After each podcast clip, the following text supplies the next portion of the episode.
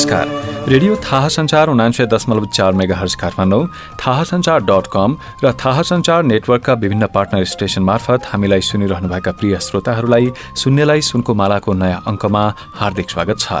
कार्यक्रममा हामीले युग पाठकले लेख्नुभएको उपन्यास उर्गेनको घोडा सुनाइरहेका छौं। उर्गेनको घोडा माओवादी जनयुद्धलाई आधार बनाएर लेखिएका सीमित कृतिहरूमध्येको एक हो र यो उपन्यासले द्वन्द्वकालकै कथा भन्छ।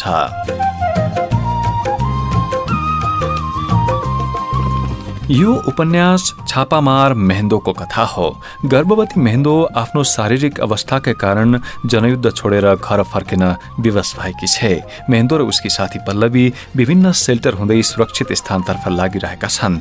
उपन्यासमा वर्णित उनीहरूको यो रोचक यात्रा वृत्तान्त एउटा पत्रिकामा छापिएको छ। धारावाहिक रूपमा छापिएको उक्त उपन्यासले मेहेन्दोको वर्तमान मात्र होइन विगत पनि खोतल्छ लाल पाइलो नामक उक्त पत्रिकाका विभिन्न अङ्कहरू फरक फरक व्यक्तिहरू पढिरहेका पढिरहेका छन्। कहिले साहित्यकार मौसमका श्रीमान श्रीमतीले त कहिले प्रहरी जवान दलसिंह तामाङले।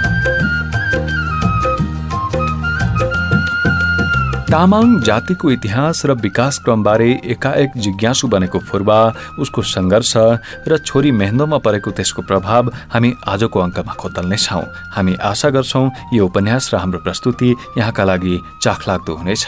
सुन्नेलाई सुनको मालामा प्रस्तुत छ उपन्यास उर्गेनको घोडाको छैटौं अङ्क।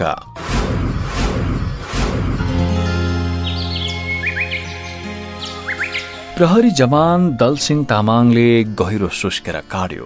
नेपथ्यबाट आएको एम्बुलेन्सको साइरन याम्बुकका कंक्रिट भवनहरूको जंगलमा प्रतिध्वनित हुँदै उसको कानमा पस्यो। उसको हातमा लाल पाइलोको पेज नम्बर एकसठी पल्टिएको थियो। उसले किताबबाट आँखा झिक्यो र सुतिरहेकी श्रीमतीको गालामा ट्वाल्ल हेर्यो।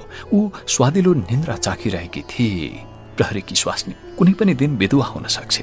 राजधानी भएर के गर्नु? याम्बोमा पनि क्रान्तिकारी छ्यापछ्याप्ती छिरेको छ। दलसिंहले सोच्यो उसले भर्खरै पढेको उपन्यासको अन्तिम वाक्य सम्झियो अनि मानेमाथि बसेका चरा अन्तर्मनमा चिरबिराएको सुने झै लाग्यो। उसले सोच्यो मेरो आवाको नाम पनि त सुनाम थियो। कस्तो विचित्र। उपन्यासको सुनाम मूर्ति बनाउने कलाकार मेरो आवा मुर्चुङ्गाका पारकी। गाउँभरि उनको ख्याति थियो। दलसिंहलाई झन अनौठो प्रतीत भयो। जब उसले सम्झ्यो ऊ पनि सुनामको जेठो छोरो थियो तर प्रहरीको जागिरे। तर किताबको सुनामको जेठो छोरो चाहिँ क्रान्तिकारी कसरी भयो होला? केही त गडबड छ यो देशमा। दलसिंहले मसिनो स्वरमा आफैलाई भन्यो ऊ बाथरुम गएर आयो। मिनरल वाटरको बोतलबाट पानी पियो र घडी हेर्यो ड्युटीको टाइम हुनै लाग्यो तर निन्द्रा पटक्कै छैन। कोठाको एउटा कुनामा स्टोभ पनि निधाइरहेको छ। छेउको टेबलमा राखेको सानो चाइनिज टेबल घडी उसलाई ब्याउझाउने टाइम टेबल सम्झेर सुस्तरी टिक टिक गरिरहेकै छ। केही बेरमै पुलिसको नेलो गाडी उसलाई लिन आउँछ। त्यतिन्जेलसम्म तयार भइसक्नु पर्छ टेबल घडीमा टी टी गरेर उसकै भाषामा अलाराम बज्न अझै दुई घण्टा बाँकी थियो।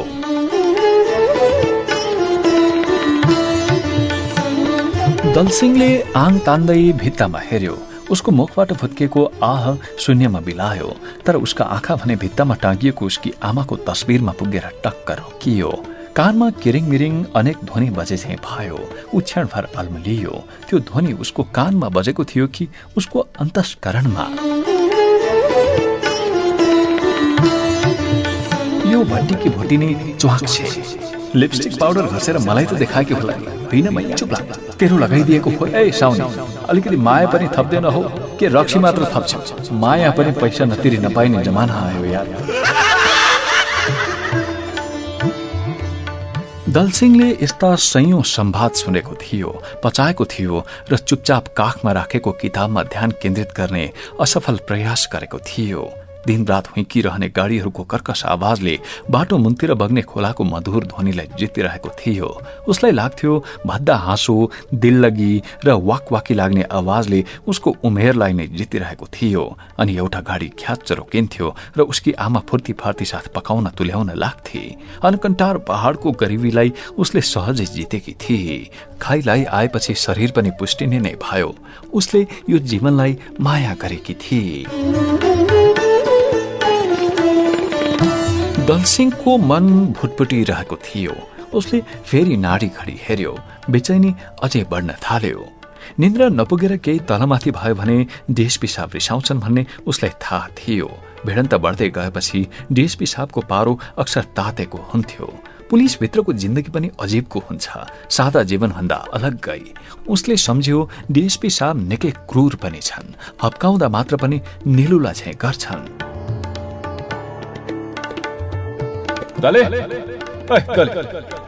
भोटेको के हेरेर बस्छौ always late to the life भोटेको जात। डिएसपी साहबको खप्की सम्झेर दलसिंहको मुख अमिलो भयो। डिएसपी क्षेत्र प्रताप थापा उसको कार्यालयको हाकिम। उसको भाका पछ्याएर उभन्दा माथिका सबै तहका अफिसर दलसिंहलाई यसै गरी हप्काउँथे। आखिर उभन्दा तल को हुन्थ्यो र उसलाई रिस उठ्थ्यो तर संकटकालको बेला अफिसरसँग रिसाउन को सक्थ्यो मान्छे बेपत्ता हुनु कुनै नौलो कुरो त भएन त्यतिखेर। भोटेको बुद्धि पछाडि हुन्छ। एक लाख दिएपछि बल्ल अगाडि आउँछ। त्यस्तै भोटे। दलसिंहले डिएसपी साहबको खप्कीलाई विशेष महत्व साथ मनमा खेलायो। Always late to the life अर्थात् जिन्दगीमा सधैँ ढिलो उसले उल्था गरेर हेरेको थियो। यो वाक्यांश उसको जातसँग जोडिन किन प्रयोग गर्थ्यो डिएसपी साहब? तामाङ जातिबाट आउनुले उसलाई कति फरक पारेको थियो? भेद के को हो यो? रूपचन्द ठिक भन्थे। दलसिंह आफैसँग गुनगुनायो। उसलाई थुप्रै कुरा बुझेको महसुस भएको थियो। सेता घोडाहरूको फौज। छक्क भएर ऊ ओछ्यानमा उत्तानो पल्टियो। सिलिङमा पोतिएको पहेँलो रङ पहेँलपुर फुलेको तोरी बारी झैँ भएर आँखाभरि आयो। मेहन्दोले कुल्टी फेरि र हात उसको छातीमा चढाएर मस्त निदाई हाली। हिमालबाट हावासरी ओर्लिएको सेतो घोडामा चढेर मेहेन्दो दुश्मनमाथि धावा बोल्छे रे आम्मा के सक्नु पुलिसले? तामाङको पुर्खा त्यस्तै हिउँ जस्ता घोडामा चढेर आएका थिए होलान्। तर अहिले भरिया रिक्सावाल हली गोठालो खेताला हुक्के बैठके धाई सुसारे होटलका जुठेलना सर्कसका पुतली कोठीका रन्डी कोठीका रन्डी इतिहासको विस्तारमा तामाङ जातिको पहिचान केबाट के भएको थियो गहिरो घाउ चस्के झैँ पीडाले दलसिंह आहत भयो ऊ झुरुक्क उठ्यो। मेहन्दो पनि तर्सेर बिउछी उसले हतार हतार आफूलाई सम्हाल्यो र त्यो किताब पढेको बहाना गर्यो। तिमी अझै पढ्दैछौ? कति कति धेरै बेर लगाएको त? त्यति धेरै लामो त छैन है। मेहन्दोले निन्द्रालु आवाजमा सोधे। सुत सुत पढ्दैछु कि म? तलसिंहले मेहेन्दो सुतेकै ठिक ठान्यो। नसुती बस। अनि ड्युटीको बेलामा उन थाल्छ। अनि फेरि डेस पिसाबले हप्का होला। भोटेको जात। के के भन्छ? भन्यो भनेर फेरि रिसाउँछ मेहेन्दो यति भनेर फेरि निधाए दलसिंह उठेर झ्यालमा गयो। बाहिर कर्फ्यू छ। सडकको एक टुक्रा सुनसान देखिन्छ। दलसिंहले झ्यालमै उभिएर सोच्यो तामाङको देश आदि भूमि तामसाली कस्तो अनौठो। तामाङको पनि सभ्यता त थियो रे। तर उपन्यासमा मात्रै हो कि साँच्चीकै? कुनै किताबमा पढेको छैन। त्यस्तो किताब स्कुलमा पनि पढाएनन्। अनि के थाहा पाउनु जित्नेको इतिहास लेखियो हार्नेको हराएर गयो। पिछडिएपछि इतिहास पनि मेटिँदो रहेछ।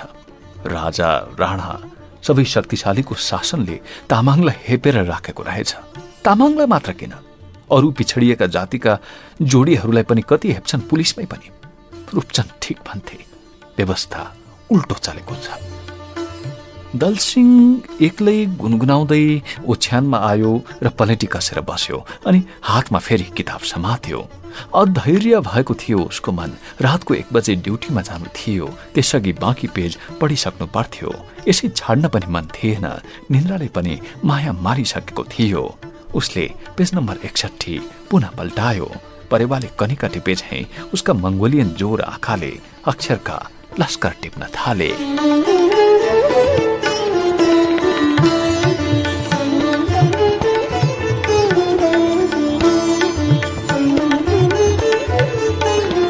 पहिलो पटक सेतो घोडा देख्दा मेहेन्दो अठार वर्षकी थिए। उमेर बैंसको रसले भिजेको थियो। संसार स्वादिलो हुन्थ्यो त्यति बेला।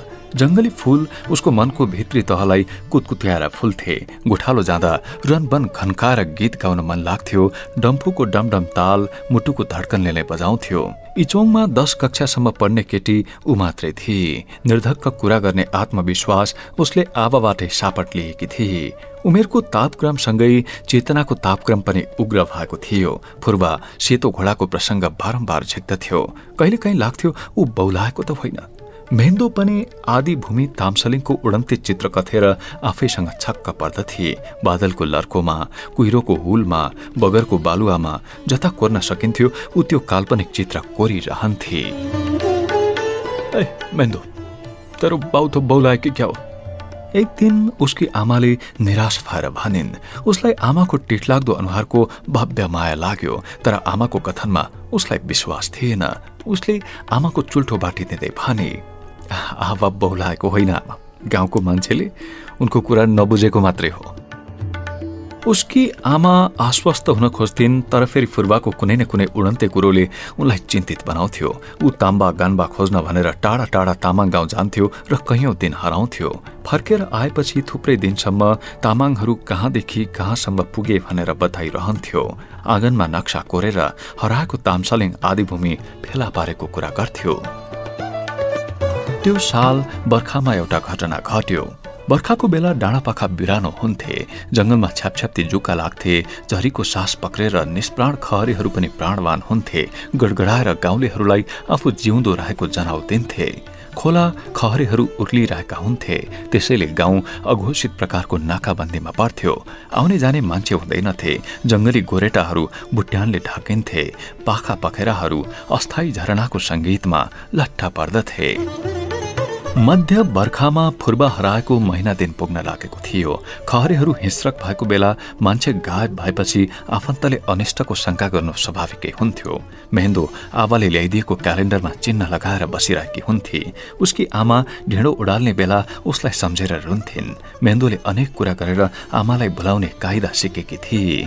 तैपनि बेला बेला उसैको गला पनि अवरुद्ध हुन पुग्थ्यो। आवाको माया उम्लेर छातीबाट पोखिन खोज्दथ्यो। एक रात अबेरसम्म आमा छोरी सुख दुःखका प्रसङ्गमा डुबिरहेका थिए। बाहिर झरी परिरहेको थियो बाख्रा काँप्दै सुतेका थिए। एक तमासको झरीले संसारै धुरुधुरु रोइरहे झैँ प्रतीत हुन्थ्यो। मध्यराततिर झरी रोकियो। तप्प तप्प बलिसी चुहिएको रुखका पातबाट पानीको थोपा चुहिएको आवाज आइरहेको थियो तर त्यसलाई खहरेको हाहाहुहुले छोप्न खोज्थ्यो। मेन्दो! मेन्दो! सुतिसक्यो सुतिसक्यो बाहिरबाट उच्च स्वरले बोलाउने मान्छे फुर्बा नै थियो भनेर उनीहरू दुवैले चिनेका थिए तर झट्ट विश्वास भएन। आबा आबा हो। मेन्दोले परीक्षण गरे। हो नानी हो। आगो ले ल म आइपुगे। फुर्बाले बिरामी बोलीमा बिस्तारै भन्यो। उनीहरू दुवै जराक जुरुक उठे टुकी बत्ती हातमा लिएर उसकी श्रीमती बाहिर आए। मेहेन्दो भने अगेनामा आगो भएको अगुल्टो खोज्दै थिए। मेहेन्दोले अगुल्टो ल्याएपछि फुर्बाले अगुल्टोको आगो छोयो। लखतरान देखिन्थ्यो सयौं वर्षको मेलो एकैपटक जोतेर आए ऊ पिँढीमा पल्टियो। फुर्बाले सुस्तरी भन्यो मलाई साह्रै गाह्रो भइरहेछ असाध्यै यो भन्दा बढ्ता ऊ बोल्नै सकेन। आँखाको आँसु समेत पुज्न भ्याएनन् आमा छोरीले। फुर्बालाई घिसार्दै भित्र लगे र बिछ्यौनामा सुताए।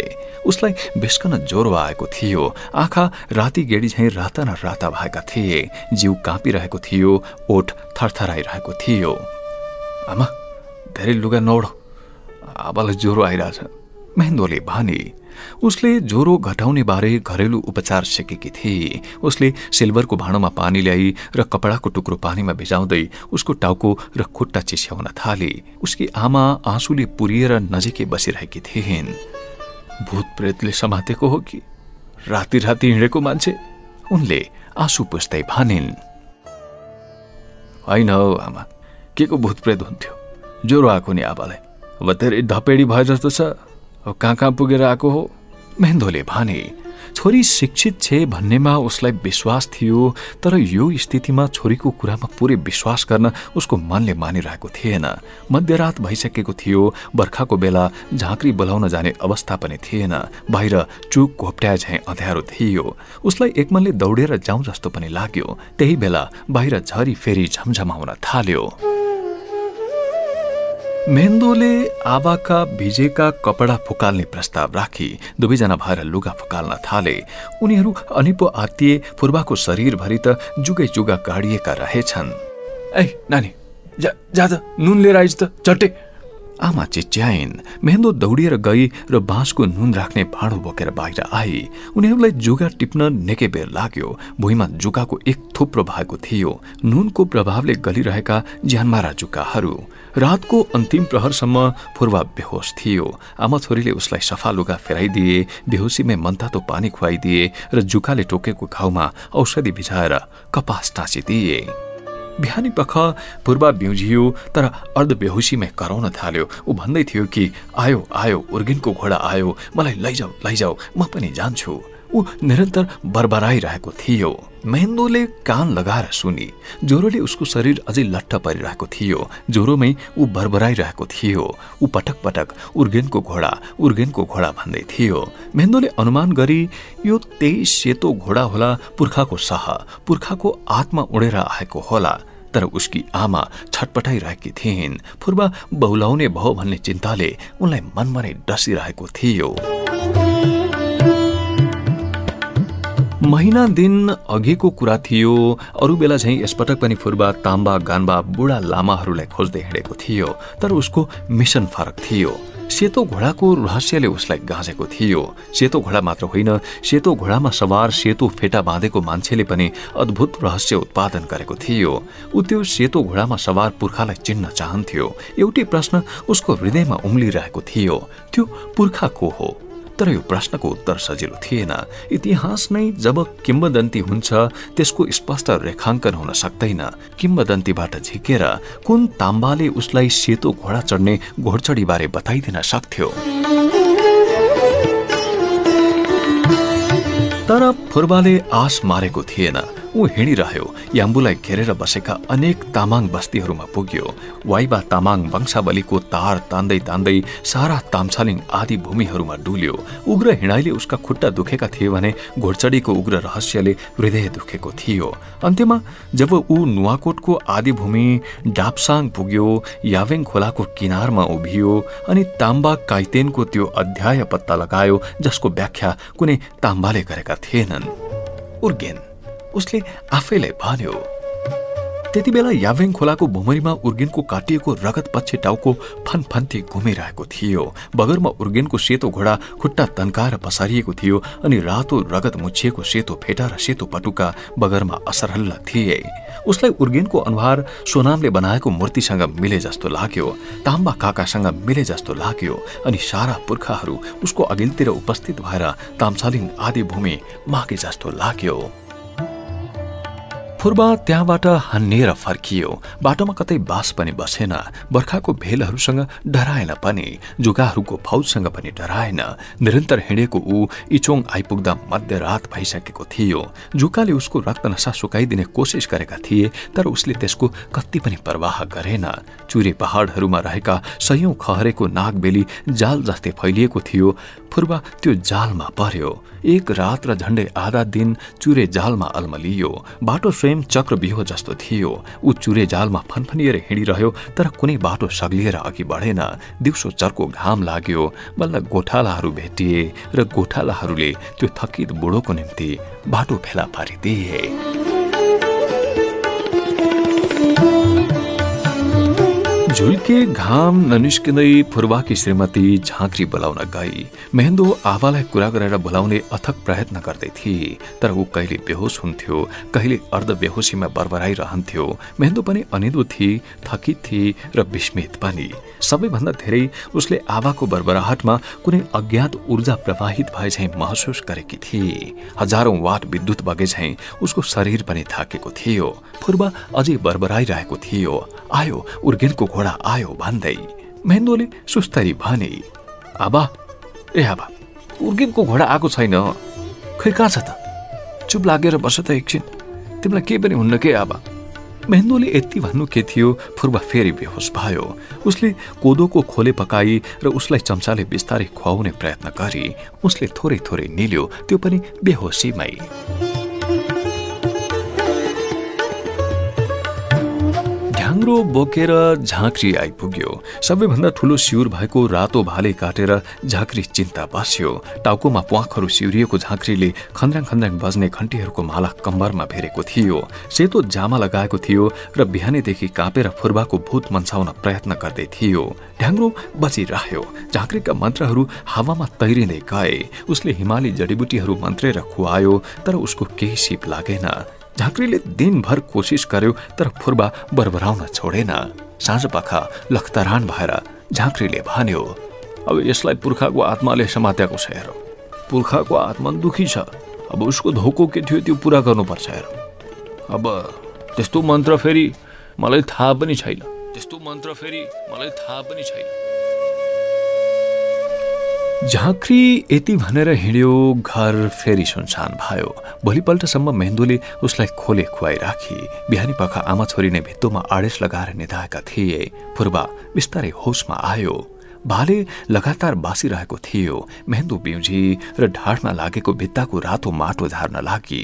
त्यही बेला फुर्बा बोल्यो ए छोरी मेहेन्दु पानी ल्याऊ। मलाई एकदम तिर्खा लागेको छ छोरी। आवाको कुरा सुनेर मेहेन्दोको अनुहार उज्यालियो। उसले आमालाई बिउझाई र लोटाबाट गिलासमा पानी खन्याई। फुर्बाले पानी पिएपछि भन्यो अनि झाँक्री आएको थियो मेहेन्दो मेहेन्दोले हो भन्न साथ फुर्बा मुसुक्क हाँस्यो र भन्यो मलाई केही भएको छैन मेहेन्दो बेसरी थकै मात्र लाग्यो हो छोरी। यो घटनापछि कैयौं दिनसम्म उसले उर्गेन र यावेङ खोलाको कथा सुनाइरह्यो।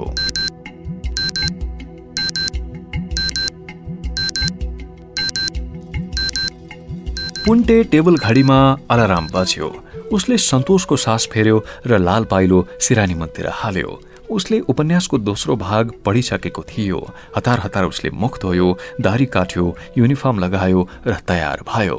अब कुनै पनि बेला गाडी आइपुग्न सक्छ अनि ऊ ड्युटीमा खटिनेछ। मतलब एउटा अनिश्चयको सफर सुरु हुन्छ। अज्ञात बम वा गोलीको शिकार हुने हो कि नहुने हो भन्ने चिजको परीक्षा अब सुरु हुन्छ। उसले आतंककारी दस्तावेज अनिँदै पढेको थियो। मनभित्र चलेको भूकम्प नाप्ने त कुनै सेस्मोग्राफ हुँदैन नत्र नाप्नुहुन्थ्यो। उसको मनभित्र भयानक भूकम्पका कैयौं धक्का गइसकेका थिए र अरू धक्का ड्युटीको बेला पनि महसुस हुने निश्चित थियो। उसलाई सबै चिज उल्टो भए झैँ लाग्न थालेको थियो। कर्फ्यूको बेला गाडीको हर्न पनि आतंककारी जस्तो हुन्थ्यो। यमराजको ट्याक्सीको हर्न जस्तै हर्न बज्यो। उसले पाखुरा वृत्ताकार ढङ्गले घुमाएर आफ्नो फुर्ती जाँच्यो। सुन्यो? ल म ड्युटीमा गएँ है ढोका लगाऊ। मेहेन्दो उठी र आँखा मिच्दै ढोका लगाई। ऊ भर्याङ ओर्लिन थाल्यो। केही बेरपछि ऊ बन्दुक बोकेर स्वयम्भू मन्दिरमा उभिएको थियो। उसलाई स्वयम्भूका आँखा उर्गेनका आँखा हुन् कि जस्तो पनि लाग्यो। रातको सन्नाटा अजीबको थियो। याङ्गुमा यस्तो क्षण हत्तपत्त महसुस गर्न पाइन्न। सधैँ भिडभाड कोलाहल उम्लेको तेलको कुण्ड जस्तो। उसलाई ऊङ नलागेको होइन तर सङ्कटकालमा प्रहरीहरूको मनमा आतंकको गहिरो घाउ बनेको हुन्थ्यो जस्तो सुकै निन्द्रा पनि पचाएर आँखा ट्वाल्ल भइरहन्थ्यो। उसले सोच्यो मेन्दो क्रान्तिकारी नभएको भए के हुन्थ्यो? सुनामको छोरो क्रान्तिकारी नभएको भए? पुलिस भएको भए झन् के हुन्थ्यो? भोटे भनेर हेपेको सहन्थे नसहेर पनि के गर्थे त जागिर खाएपछि? कथामा जस्तो सेतो घोडा चढेर उर्गेन आउने होइन क्यारे। पुलिस भएपछि त हाकिमको लात खानै पर्छ बाबै। तिमीहरूको जस्तो मरे मर्ने नमरे तामसालिङ खोज्ने भनेर हुन्छ र। उसलाई आफ्नै मनको तर्कनासँग लाज लाग्यो। ऊ मुसु मुसु एक्लै हाँस्यो। होइन दलबीर के भयो? के सोचेर हाँसिरहेछ उसँगै ड्युटीमा उभिएको दलबहादुर विश्वकर्माले सोध्यो। उनीहरू दुवैको नामको पहिलो शब्द मिल्ने भएकोले अफिसरहरूले दले भनेर बोलाउँदा दुवैजना झुक्किने गर्थे। यही नामकै कारण उनीहरू बीच सजीव मित्रता समेत विकास भएको थियो। के भएन? मनमा कहिले के के के के कुरा खेली बस्छ अनि बेर्तै हाँसो उठ्छ नै। दलसिंहले ढाँट्यो। अब यो ड्युटीमा बस्दा कुरा सुरा नखेलाऊ है मनमा धेर। बेला राम्रो छैन के? दल बहादुरले उसले ढाँटेको थाहा पाएन र सहज सल्लाह दियो। केही बेर दुवैजना मौन भए। स्वयम्मुमा फुट्दो घामको किरण पर्न थाल्यो। कर्फ्यू टाइम पनि सकिसकेकाले मान्छेहरू फाट्टाफट्टा निस्कन थालेका थिए। तर उनीहरूको अनुहारमा आशंका मडारिएकै थियो। सुन न दलबहादुर तिम्रो दाजुभाइ कोही क्रान्तिमा हिँडेको छ? उसले अप्रत्याशित रूपमा सोध्यो दलबहादुरले पनि हाँसेर भन्यो अब दाजुभाइ चाहिँ होइन एउटा बहिनी चाहिँ हिँडेकी छ। उसले विस्फारित नजरले दलबहादुरलाई हेर्यो दलबहादुर स्वाभाविक थियो कुनै खास भाव उसको अनुहारमा नहुम्रेको देखेर ऊ छक्क पर्यो होइन तिनीहरू किन व्यर्थै मान्छे मार्दै हिँडेको होला है? दल सिंहले मन चोर्ने हिसाबले सोध्यो। के को व्यर्थै हुन्थ्यो? कत्रा कत्रा कुरा गर्छन्। मेरो बहिनीले त मलाई पनि पुलिसबाट झन्डै छुट्याएर लग्यो कि। आफ्नो घरको अवस्था अब साह्रो गाह्रो छ त्यही भएर मात्र नगएकोमा दलितहरूलाई कम हेपाइ छ यो समाजमा। हामीले त भगिसक्यौँ नि होइन? माथिदेखि नै दलितलाई हेप्ने सिस्टम चलेको छ। अब यो बदल्ने हो भने त लड्नै पर्छ। के कुरा गर्छ है? जागिर खाएका छौ क्रान्तिकारी मार्ने। अनि कुरा गरेर हुन्छ। जागिर त मान्छे बचाउन खाएको हो साथी। मार्ने होइन नि। ठुला ठालुको शासन टिकाउन हामीले मार्नु चाहिँ परेको छ अब तर ड्युटी त ड्युटी हो अब। मनले थोरै गरे हो र यही बेला ड्युटी कमान्डर कतैबाट चिया पिएर आइपुग्यो उनीहरू चुप लागे। ए दले वान दले टू के गफ गरेर बसिरहेको तिमीहरू? ड्युटी ठिकसँग गर्ने है? ड्युटी ठिकसँग। उसले आदेश दियो। अब ड्युटी त गरिरहेको त छ नि। दले वान अर्थात् दलसिंह तामाङले ओठे जवाफ लगायो। ए बटे बढ्ता नबोल है बढ्ता नबोल। सङ्कट कालको बेला छ लास गायब भएको पनि पत्ता हुँदैन। भोटेको जातले बुद्धिले नभ्याउने कुरा गर्नुहुन्न। बुझिस? कमान्डरले हप्कायो। दलसिंह तामाङ चुप लाग्यो। दलबहादुरले उसलाई दयालु नजरले हेर्यो दलसिंहलाई किन हो किन संसार सबै उल्टो पाल्टो भए झैँ लाग्यो। उसलाई मोटो रिस उठ्न थाल्यो। तीव्र असन्तोषले उसका गाला तत्तिएका थिए।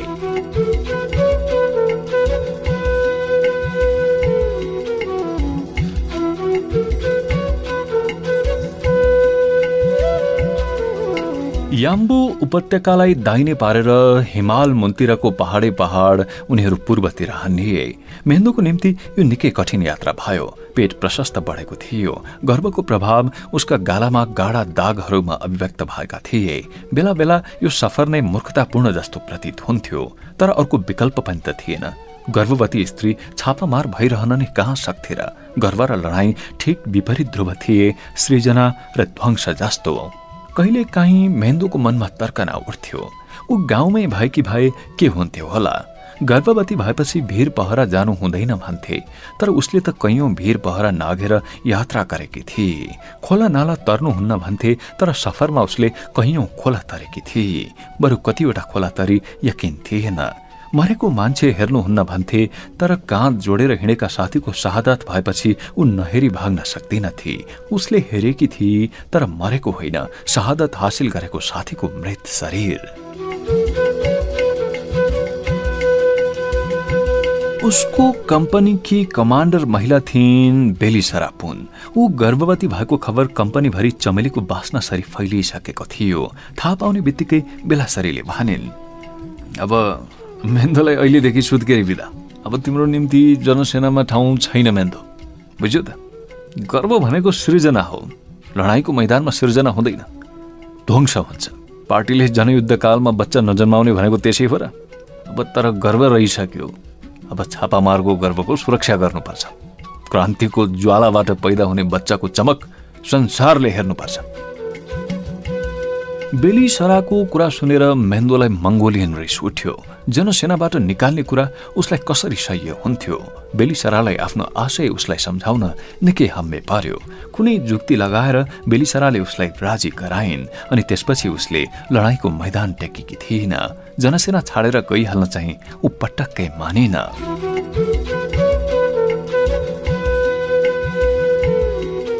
दिदी धेरै चिन्ता नगर के? बोकेर भए पनि म तिमीलाई गन्तव्यमा पुर्याउँछु भएन। पल्लवी पटक पटक भन्दथे मेहेन्दो ओठभरि लाली गुराँस फुलाएर मुस्कुराउँथे। मेहेन्दोको जिउ मालिस गर्न पल्लवी तेल खोज्दै गाउँ डुल्थे। उसले स्याहार गर्न जानेकी थिए। उसका हातहरू पनि कुशल धाइका जस्ता थिए। जाँगर र प्रेमका अपरिमेय औलाहरू भएका। मेहेन्दोको ढाडमा तेल लगाइदिँदै पल्लवी भन्थे मलाई सबै थाहा छ कि दिदी। मेरो दिदी सुत्केरी बस्न आउँदा नि म आफैले स्याहार गरे हो। त्यही भएर सब थाहा छ। दिनहुँ हिँड्नु पर्थ्यो सैनिक अपरेसन छल्न वा पुग्ने ठाउँतिर जान। नयाँ ठाउँ नयाँ परिवेश नयाँ मान्छे र नयाँ नयाँ संस्कार र नयाँ नयाँ सम्बन्धहरूभित्र छिर्दै हिँड्ने बानी त परिसकेकै थियो। त्यसमा पनि पल्लवीको सिपालु बानी बेहोराले सबै गाउँ र सबै मान्छेलाई आफन्त बनाइदिन्थ्यो।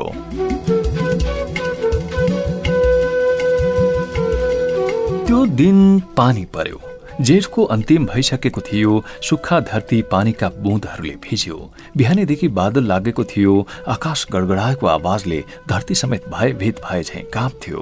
वर्षाका एक दुई थोपा आफ्नो चस्मामा पर्न साथ चस्मे गाइडले मूल बाटोबाट सफर मोडेर टिनले छाएको एउटा घरमा पुर्याएको थियो। गाइडले चस्मा पुस्दै भन्यो अब तपाईँहरू पुग्ने ठाउँ यहाँबाट एकदमै नजिक छ। मेन्दु र पल्लवी दुवै आँखामा जोर सूर्य चम्काएर मुस्कुराए।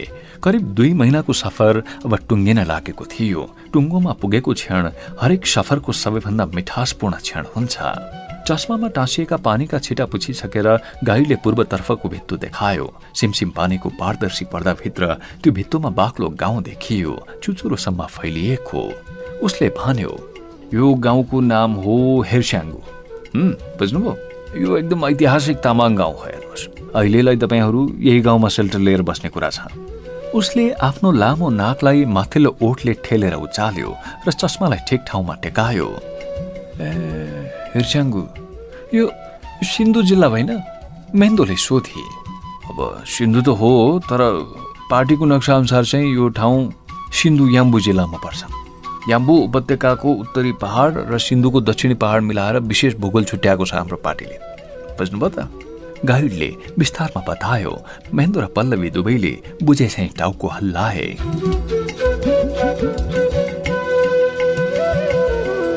साँझ पख उनीहरू हिर्स्याङ्गु गाउँको सेल्टरमा पुगे। तामाङ गाउँ थियो त्यसैले छ्याङको बास्ना यत्रतत्र मगमगाइरहेको हुन्थ्यो। तामाङ भाषाको ढिलो बग्ने लयसँग मानिसहरूको जीवन पनि ढिलै चले चाहिँ लाग्थ्यो। जहाँ एक गाग्रो पानीको लागि घन्टौँ हिँड्नु पर्थ्यो त्यहाँको जीवन स्वत ढिलो हुने नै भयो। सेल्टर ढुङ्गाले छाएको घर थियो कौशी पनि भएको। उनीहरू कौशीमा सुत्ने तर्कर गर्दै थिए। वर्षौंको थकाइपछि सुमधुर निन्द्रा सुत्न लागे जस्तै एक किसिमको उल्लास थियो मनमा। पाउने नौ बजेको हुँदो हो मेहेन्दोको हाते रेडियोमा बिबिसीको धुन भर्खरै बजिसक्यो।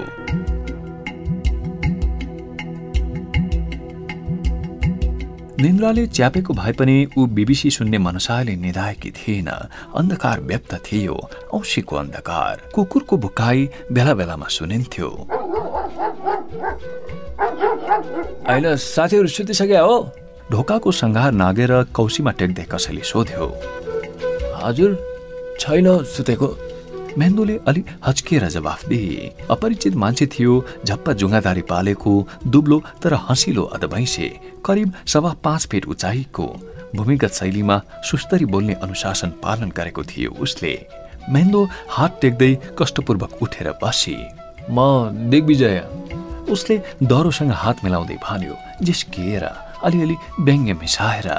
उनको बादल लागेको आकाश खुले जस्तो मुस्कानसँगै मेहेन्दो पनि हँसिली भाइ दिग्विजय यस क्षेत्रका इन्चार्ज भएका थिए। उसले भेट्नुपर्ने मान्छे। अहिले कामले भेट्नुपर्ने तर उहिले भेटिसकेको मान्छे। उसलाई देखेपछि मेहेन्दोलाई सधैँ लाज लाग्थ्यो। पहिलोपल्ट विद्रोहको प्रेम पत्र उनीले ल्याइदिएका थिए। एक प्रकारले उनीहरूको प्रेम कहानीको सूत्रधार थिए। गर्भवती अवस्थामा पुनः भेट भएको थियो। मेहेन्दो लाजले टाउको निहुर्याउन बाध्य भएकी थिए। अनि मेन्दो तिमी काम गर्न सक्छौ त? उनले विनयपूर्वक सोधे। अब काम नगरी त कसरी बस्नु? लामो सफरबाट आएकोले अहिले अलिअलि थकाइ लागे मात्रै हो। तर म गर्न सक्छु। जिम्मेवारी दिनु भए ठिक हुन्थ्यो। मेन्दोको बोलीमा अनुनय मिसिएको थियो। अब खै के भनौँ मेन्दो? तिम्रो अवस्था हेर्दा त आराम गर्न ठिक छ तिमीले। कति महिना पुग्यो? दिग्विजयको भद्र सोधाइमा अनुभवी आँखाको भाका पनि मिसिएको थियो। सात महिना। सात महिना पुग्न लाग्यो। महेन्द्रको शिर लज्जाले नेउरियो। अझै एक दुई महिना बाँकी नै छ क्यारे। सङ्गठनको काम त गर्न सकिहाल्छु नि। दिग्विजयलाई मेन्दोको कुरामा उति विश्वास लागेन तैपनि मेन्दोको भावनालाई सम्मान गर्ने विचार उनको मनमा पलायो। अब ठिक छ ठिक छ मेन्दो तिमीहरू दुवैजनालाई जिल्ला पार्टीसँग जोड्ने सल्लाह भएको छ। अब सकुन्जेल कोसिस गर। तर स्वास्थ्यको ख्याल चाहिँ राख्नु नि फेरि। है? पल्लवीलाई अत्तो पत्तो केही पनि थिएन। उता निन्द्राको अनुपम नगरीमा पुगेकी थिए। यता बिबिसी बोलिरहेको थियो महेन्दोले रेडियोको भल्युम बढाई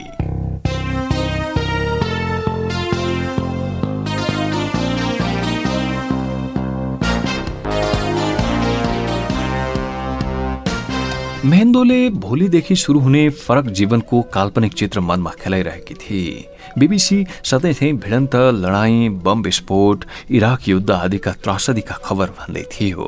उसलाई रेडियोको समाचारमा कुनै दिलचस्पी थिएन।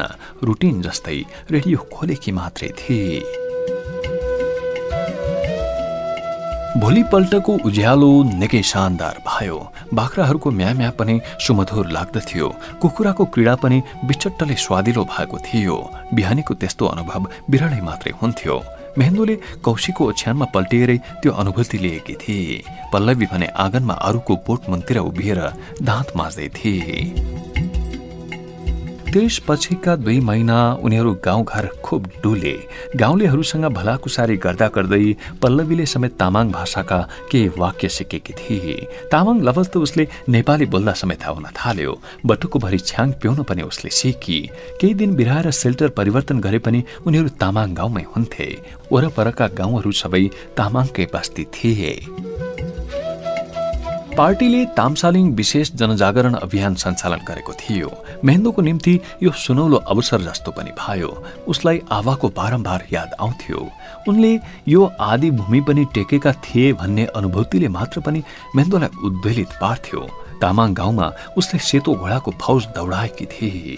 तामाङहरू बिस्तारै बिस्तारै विचार गर्न लागेका थिए। तामसालिङ आदि भूमिको खोज भनेको आत्मसम्मानको खोज हो। भोटे जाति भनेर ठुला ठालुले हेप्दैमा हेपिनु कहाँसम्मको उचित थियो? भुसको आगो यसरी सल्कँदै थियो भित्रभित्रै। भरभराउँदो आगो। गाउँलेको ढिँडो खान गाउँलेको काम गर्ने परम्परा थियो।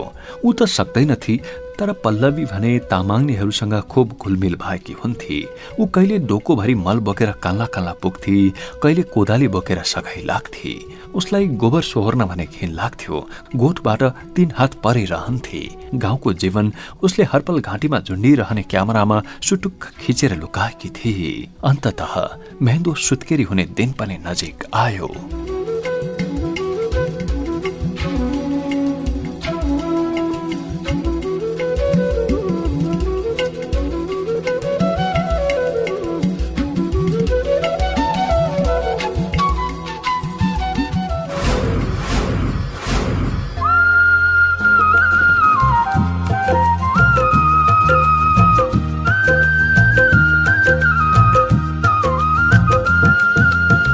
उपन्यास उर्गेनको घोडाको छैटौं भाग यही सकिन्छ।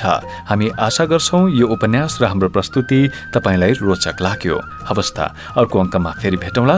उपन्यास उर्गेनको घोडा र यस कार्यक्रमबारे यहाँको धारणा पठाउन चाहनुहुन्छ भने यहाँलाई हार्दिक स्वागत छ।